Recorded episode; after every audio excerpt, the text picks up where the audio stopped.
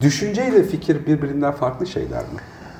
Düşünce ile fikir birbirinden farklı şeyler. Fikir e, bir konu hakkındaki kanaat. Düşünce ise e, oraya götüren belki de işte bir e, zihinsel doneler zinciri, zihinsel ipuçları zinciri ya da kavramlar zinciri. Fikir durumlara karşı ya da kavramlara karşı oluşturduğumuz bir duruş diye ben daha çok düşünüyorum. Bu arada bunların kitabı anlamlarını söylüyor değilim. Ben de ikiyi çağrıştırdığı anlamları söylüyorum. yani. Mesela bir fikrim var, aslında bir düşüncem vardan daha e, doğru. Bir de bu kelimeler arasındaki nüanslar, ufak farklar, aslında onların gönderme yaptığı yerler var. Mesela işte efkar diye bir kelime kullanıyoruz. Fikrin çoğuludur aslında.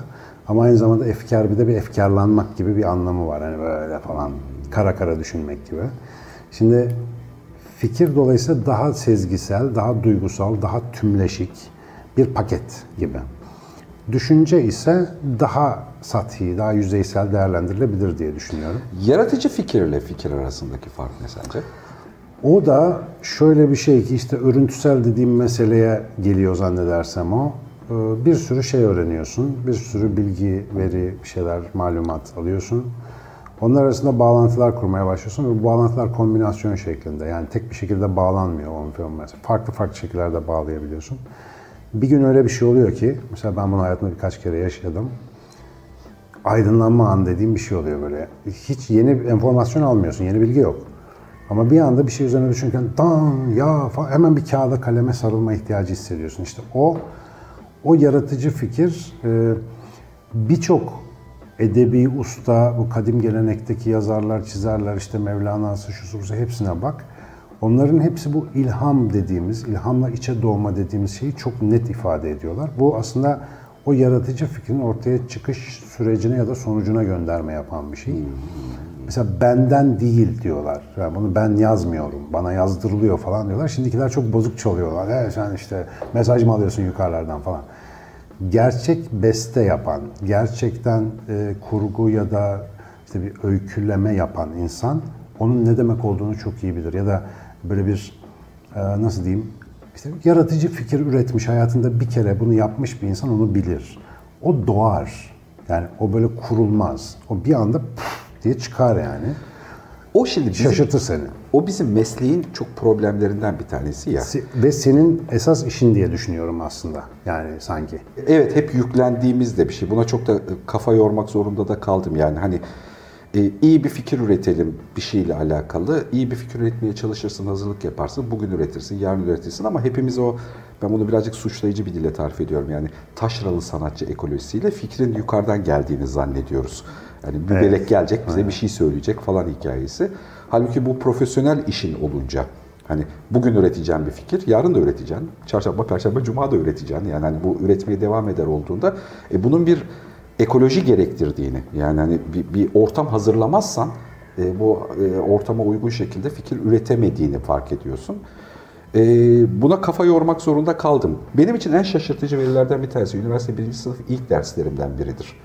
E, plastik sanatlar hocası derse girdi ve şey dedi, Dünyada sadece üç çizgi var çocuklar dedi. Düz çizgi, kırık çizgi, eğik çizgi. Süper Başka ya. çizgi yok. İşte sadelik. Dünyada ne yaparsam bu üçüyle yapacağım dedi. Yaratıcılığı karıştırmayın. Yaratıcılık bir dördüncü çizgi üretebilme kabiliyeti değil dedi. Bu üç çizgiyi şimdiye kadar hiç kimsenin kullanmadığı yeni biçimde bir araya getirebilmenin hali. Şimdi böyle deyince birden tuhafsıyor insan. Şeyi hatırlıyorum gerçekten derste. Hayır hayır var. Olur çok saçma ya. Üç çizgiyle mi olur bunların hepsi? Kesinlikle bir dördüncü çizgi daha vardır. Henüz bunlar bulmamıştır diye bir ergen kafasıyla buna gerçekten kafa yorduğumu hatırlıyorum. çok, çok saçma bir duygu. Çünkü öyle zannediyoruz. Biz o dördüncü çizginin hani yukarıdan bir yerden melekler yardımcılığıyla bize geleceği zannını yaşıyoruz. Ama doğru bir akıl yürütme. Bunu da sorgulamak lazım tabii. Ama sorgulayarak da hakikaten ya noktasına. Ama fikir o kadar tuhaf bir düşünme yöntemi ki düşünme yöntemleri üzerine hani hep çalışıyoruz. Sen de çok çalışıyorsun biliyorum e, bir şeyde. O kadar tuhaf bir düşünme yöntemi ki e, yeni bir fikir bulduğumuzda yani aslında şimdiye kadar ortalıkta olan masanın üzerindeki olan malzemeleri şimdiye kadar kimsenin bir araya getirmediği şekilde bir araya getirdiğimizde hikaye bu. Şimdiye kadar o yöntemi hiç kimse yapmamış. Biz öyle getirmişiz ve işe yaramış. Daha güzel olmuş, daha hızlı olmuş daha ekonomik olmuş. Hani bir gerekçeyle e, bir şeyin içerisinde.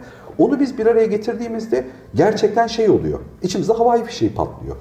Ve o bir Bunu aha, evrimsel olduğunu zannediyorum. Aslında hani fikir konusunu azıcık da açmamın sendeki tarafının şeydir zaten akılında kalan bütün fikirlerde ortak bir nokta var.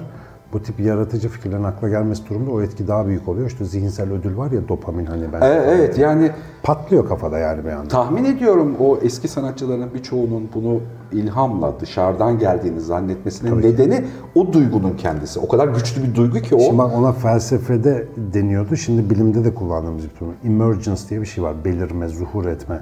Ya bu şöyle bir şey. Parçaları cinsinden anlayamayacağın oluşlar. Yani parçalarına bakıyorsun yani anlaşılmayan bir şey yok. Her şey güzel ama onlar bir araya gelince tuhaf bir davranış, bir durum ortaya çıkıyor. İşte bunun en güzel örneği şeydir. Su, su molekülleri işte belli bir yere kadar soğutursun, cart diye donu verir mesela. Lan birden, Ha, ba- başka bir hale geçer. Ya da mesela su moleküllerini ne kadar bilirsen bil, suyun hiç bilemeyeceğin bir özelliği var moleküllerden. Islaklık ya da ıslatma dediğimiz şey. Bunun için milyarlarca su molekülünün bir ıslanabilir yüzeyle karşılaşmasını görmen gerekir. Yani suyun fiziksel özelliklerinden gelir ama duruma göre zuhur edebilir. Anlatabildim mi? Bu Fikirler de, o özellikle yaratıcı fikirler de öyle bir şey. Bir anda çıkıyor ve bizim zihnimizde bunun için bir dedektör var. İşte biz mesela hayret dediğimiz bir duygu yaşıyoruz. Daha eski tabirle haşyet dediğimiz o titremeli hayret diyelim ona. Öyle daha bir derin. evet, evet. O hissiyatı yaşatan şey e, içerideki bir sistem sana diyor ki bak bu güzel bunu kaçırma. E, ben bir- birçok öğrencime söylüyorum kimse beni dinlemiyor artık ama defteriniz olsun diye. Eskiden bana derlerdi ben de bir süre dinlemedim. Fakat sonra şunu öğrendim. E, bütün dahiler defter tutar malum. Leonardo'nun defterleri falan. Dahiler defter tutar diye düşün. Yanlış. Defteri olan dahi oluyor daha kolay. Yani düşüncelerini dökme, o aha anlarını kayda geçirme, zihninin bu konuda idman e, görmesi demek, egzersiz yapması demek. Böyle yaptıkça bunu üreten sistem daha da güzel çalışıyor. Yani çok ucuz yani bir tane defter. Bu arada elle yazmayınca olmuyor. Böyle bilgisayara yazınca olmuyor yani. Türkiye'de mesela iyi bilgi biriktiren, bilgilerini sistematik kullanabilen birçok insanın yaratıcı fikirle alakalı hiç altyapısının gelişmediğini fark ettim çalıştığım kadroların içerisinde de. Yani çok zeki, nitelikli becerilere sahip, yatkınlıklara, yeteneklere sahip insanların bile yöntem olarak en zayıf kaldıkları yer yeni bir şeyi düşünmekle ilgili olduğunu düşündüm ya da fark ettim. Bu aslında çok çözümcül bir metot. Yaşamındaki yaşadığımız her tür sosyal problemle, duygusal problemle, iş problemlerimizde ya da işte ne bileyim kendi yaşamsal problemlerimizde yaratıcı bir çözüm üretmeyi düşünmek. Yani bir alternatif geliştirmek. Enerji maliyeti yüksek ama sonucundaki karlılığı çok daha yüksek olan bir metot. Yani hani çok ödev yapmanın yanında bu fikir geliştirmeyi de cebe almak gerektiğini düşünüyorum. Ee, de işte bir laf var eskilerin. Kabz olmadan bast olmaz derler. Kabz sıkışma, bast ise genişleme. Bahçe sularken hortumun ağzını kapatıyoruz ki basınç artsın, su daha üz- ileriye fışkırsın diye. Yaratıcı fikir içinde sıkışma lazım aslında. İnsan beyni niye böyle çalışıyor? Bir arıza olursa, aşılması gereken bir sorun, sağlık, para, şu, bu neyse o tarz bir şey daha fazla yaratıcı fikir üretmeye sebep oluyor. Ama mesela bir, bir laf vardır. Ee, internette çok alıntılanır bu kim söylemiş bilmiyorum ama bulunduğunuz odadaki en zeki insan sizseniz muhtemelen yanlış odadasınız diye. Şimdi bir de böyle algoritmik faaliyetiyle sürekli başarılı olan, ortamın vasatlığı nedeniyle yukarıda duran insanların yaratıcı fikir üretmesine gerek kalmaz. Çabasız bir şekilde bildiklerini tekrar ederek zaten ilerlerler. Buradan aklıma gelen bir şey vardı. Bunun üzerine konuşsak tehlikeli olur mu diye soracağım. Ee, bir sonraki bayılırım. bir sonraki aşamada. Ee, şimdi bu dönemde o baskılamayı antidepresanla çözüyormuşuz gibi görünüyor. Çok rastlıyorum sahada. Kesinlikle. Yani sosyal baskıları yiyip hani bunu antidepresanla çözme hikayesi. Bunu antidepresan kullanıp kullanmamanın sohbetini yapsak sence tehlikeli olur mu? Hiç bir sonraki programda. Ben zaten televizyonlarda çok anlattım. Çok dövüyorlar beni de bununla alakalı Ama konuşmak lazım. Yok çünkü onun da ifrat ve tefriti var. Yani işte bir olsun olmasın gibi bir şey değil bu. Duruma göre ne yapmamız gerektiğini konuşmak lazım. Ya da buna elimizi çok kolaylaştırmamanın belki bir şeyi düşünülebilir. Ya bu leblebi değil artık öyle gibi. Yani azından psikiyatristler için falan öyle gibi. Yaz ilacı gönder. Günde 60 hasta bakan adam da ne yapsın yani bir şekilde Yazıp başından savacak. Eskiden babaanneler hikayesinde ben bu kumandayı kullanamıyorum hikayesi vardı hatırlar mısın? Bu televizyon nasıl açılıyor, nasıl yapılıyor falan falan. Babam 10 sene bana açtırdı televizyonu. Ha yani hani karmaşık geliyor falan şeyi. Şimdi yeni bir teknoloji daha geliyor. Karmaşıkmış gibi de görünüyor. Çok kolaymış zannı var ama bir kullanmayı öğrenmek gerekiyor. Şu sesli komut sistemleri, sesli asistanlar hikayesi. Yani yepyeni bir teknoloji. Hiçbir şeye dokunmuyoruz. Beden dilimizi umursamıyor. Sadece sesimizi, kavramları umursuyor ve bunlarla konuşuyoruz. Hey Siri falan hikayesini zaten e, telefonlardan, cep telefonlarından, Aynen. şimdi Google Asistan da geldi. Önümüzdeki 10 yıl boyunca hayatımız asistanlardan oluşacakmış gibi görünüyor. Yani kimse bir şeye dokunmayacak, komutlar verecek, seslerimizle yöneteceğiz. Bu bizim fabrika ayarlarımıza uygun mu? Hani o, o kafayla beraber sorayım. En uygun olan şeylerden biri bana göre ama bir sorun var. Ee, Biz dil ve iletişim üzerine kurgulu bir beyne sahibiz. Ee, Bir şeyleri söylediğimiz zaman birileri yapınca da hoşumuza gider. Kimin hoşuna gitmez ki? Ee, Fakat karşıda bir yapay zeka var. Problem o. Ve yapay zeka bizden öğreniyor fakat biraz bize göre yavaş ilerliyor. Biz yapay zekayı kendimizi tam anlamadan kurgulamaya başladığımız için bu süreç biraz sancılı da olacak gibi geliyor. Kastettiğim şu, bir komut verdiğinde uygulaması zaten yıllardan beri yapabildiğimiz bir şey. İlk çıkan uygulamalarda bile bu vardı. Fakat bir işte ne var ne yok, ne haber, ya bugün canım sıkkın, ne yapsak gibi sorular kaçınılmaz olarak insanın istek sisteminden taşıyor. Yani böyle bir şeyler söylemek istiyor karşısındakine. Bizim Türkiye'de Siri ile yapılan muhabbetleri biliyorsun yani. Neler Benimle neler. evlenir misin sorusu en sık sorulardan bir tanesiymiş. Aynen öyle. Benimle evlenir misin? Son zamanlarda o kadar çok evlilik teklifi aldım ki. Özellikle mesela evde yalnızlık çeken birinin işte o Her filminde olduğu gibi hani duygusal olarak iletişime geçme isteği muhakkak olacak. Bunu karşılamakta biraz zorlanacak. Şimdi insan beyninin sözel iletişim sistemi insanlar arası etkileşime ayarlı olduğundan ve insan doğal insan zekasına sahip olduğundan bütün bileşenleriyle çok komplike çalışıyor. İşte mecazlardan anlıyor, metaforlardan anlıyor, benzetmeler, ses tonu, vurgu her türlü anlamı değiştirebiliyor. Ee, bugünkü yapay zekada ise mühendislerin yapay zekayı dille nasıl eğittiğine bağlı olarak belli kapasiteler görüyoruz. İngilizce'de baya baya ilerleme kaydedildi. Ben mesela e, en son Zürih'te yaptığım bir sunumun e, metnini okudum cep telefonuma ve onu işte metinden şey, sesten metne dönüştürme fonksiyonuyla bayağı hatasız dökebildiğini gördüm. Yani artık böyle tıkı tıkı değil e, o şekilde Ben yazabildiğini mesaj atmaların %70'inde kullanıyorum. Türkçe'de de fena değil bu arada. Türkçe'de iyi çalışıyor evet. Şimdi bu işte bir geçen sene galiba Google bir değişiklik Bir- yaptı. bir sıçrama yaptı çeviri hikayesinde. Ondan sonra çok iyi oldu. Daha da iyi olacak. Şimdi bu daha iyi olma dediğim gibi bir süre sonra bize çok uygun bir komut sistemi bu hakikaten. Ben ben de çoğu yerde kullanıyorum artık. Fakat işte bir müddet sonra gene teknolojinin yaptığı bir e, sıkıntıyı burada da yaşayacağız gibi geliyor. O da şu. Biz ona uyumlanma gayreti içerisinde bir şeylerden ödün vereceğiz.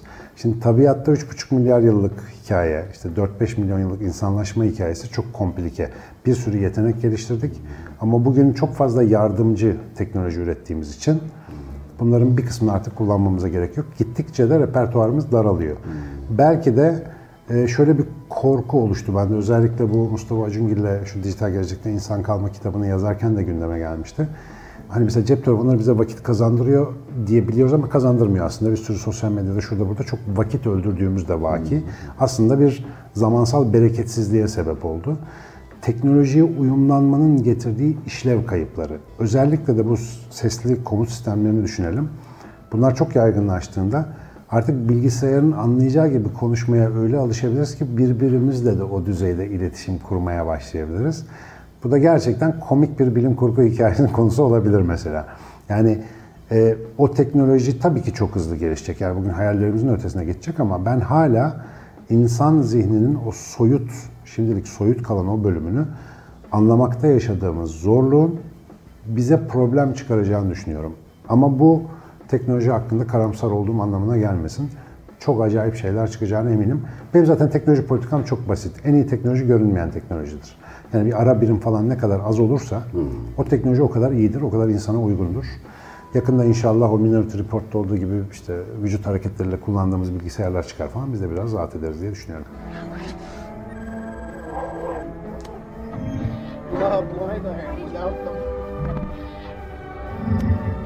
Mesela elektrikli araçlar geldiğinde şeyi fark etmiyoruz. Sesin yok olacağı hikayesini mesela anlayamıyoruz. Sesin yok olmasının pozitif negatif bizim sosyal hayatımıza bir yansıması olacak. Biz aslında otomobil ya da araçların sesine göre yaşadığımız yeri, konumu, anı vesaireyi değiştiriyoruz. Ya da yoldan geçerken araca bakmadan aracın sesinden bizde ne kadar uzak ya da yakın olduğunu biliyoruz. Bunun tümünü kaldırdığımızda Bambaşka bir dünya. bambaşka bir dünya geliyor. Şeyi söylüyorlar, işte e, dönüşüm ekonomisine bağlı kiralama araçlar oluşacak.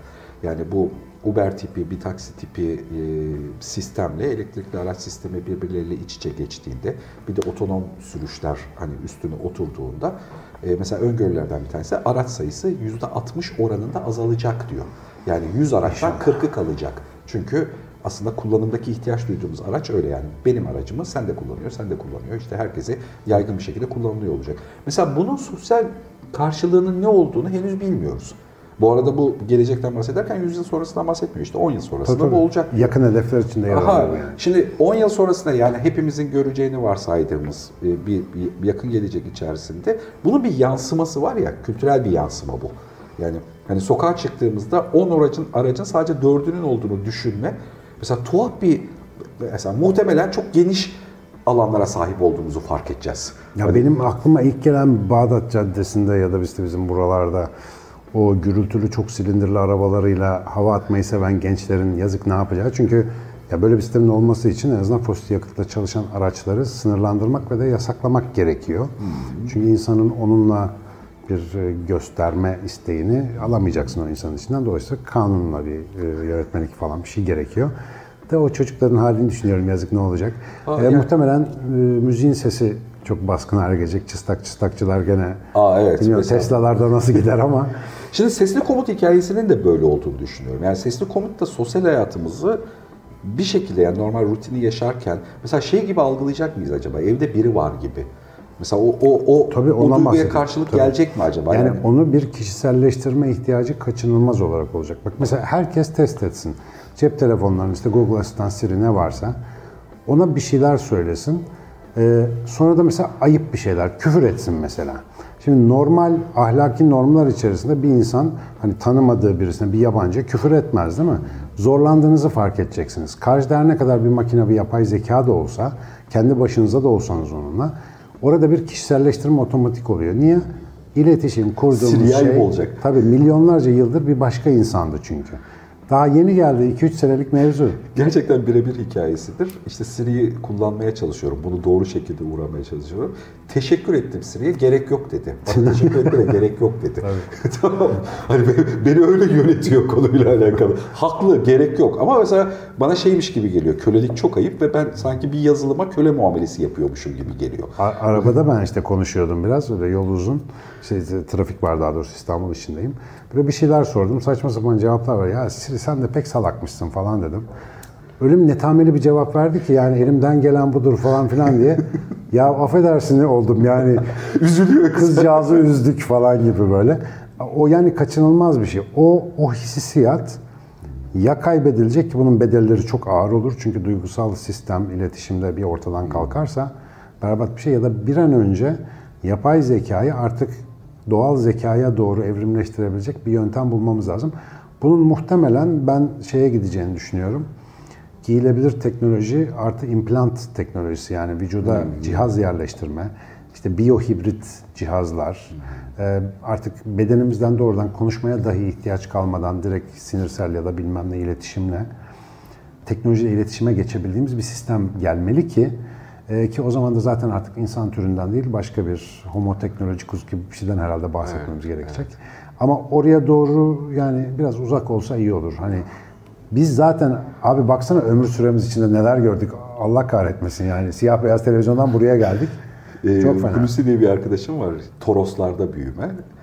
Ee, Yörük kültüründe babaannemin işte tereyağı karşılığında bir şeyler vererek takas yaptığı çocukluktan prodüksiyon işleriyle uğraşıyor. Yani yeni teknolojinin tüm versiyonlarını kullanıyor. Bu sürece kadar 2000 yıllık bir tarihin şeyini gördüm diyor. Yani pratiğini yaşadım. Aynen. Hani buna sadece şahit olma değil yani, yani uygulamasını, duygusunu yaşadım. Ben Artvin'de yaylada yayık sallayıp tereyağı yaptığım zaman e, yaşadığım o ortamı içinde geçici bir süre tatil de olsa geçici bir süre ortamda bulundum birkaç hafta. Onunla şu andaki günlük hayatımı kıyaslayamıyorum. Yani öyle bir şey yok. Yani hiçbir mesela hiçbir üretim çaba yani yiyecek falan üretme anlamında hiçbir çaba yok. Sırf evde kaktüs yetiştiriyorum yani o da estetik amaçlarla. Yani böyle bir garip bir kopuş ve savruluş ama işte biyolojik sistem çok zor adapte oluyor. Yani bunun sorunlarının farkında olursak teknoloji güzel bir şey ama sorun yokmuş gibi yaparsak işte bugün eğitim sistemindeki sorunlar gibi yarın bir gün günlük hayattaki sorunlar aa bizim bunlar niye başımıza geliyor diye konuşacağız. Benim bu arada sürekli bunları anlatıyor olma sebebim insanları korkutmak falan değil. Sadece bu farkındalığı. Yani bir sorun yaşanabilir. Çünkü böyle bir yavaş adapte olan sistem var. Tamam insan çok iyi adapte oluyor. Yani kutuplara da adapte oluyor, bilmem neye de oluyor ama kendi ürettiği teknoloji doğanın çıkarttığı sürprizlerin biraz ötesine geçti artık. Yani kim derdi ki ya 5 sene önce hey Siri diyeceksin efendim canım senin için ne yapabilirim falan böyle bir durum yoktu yani.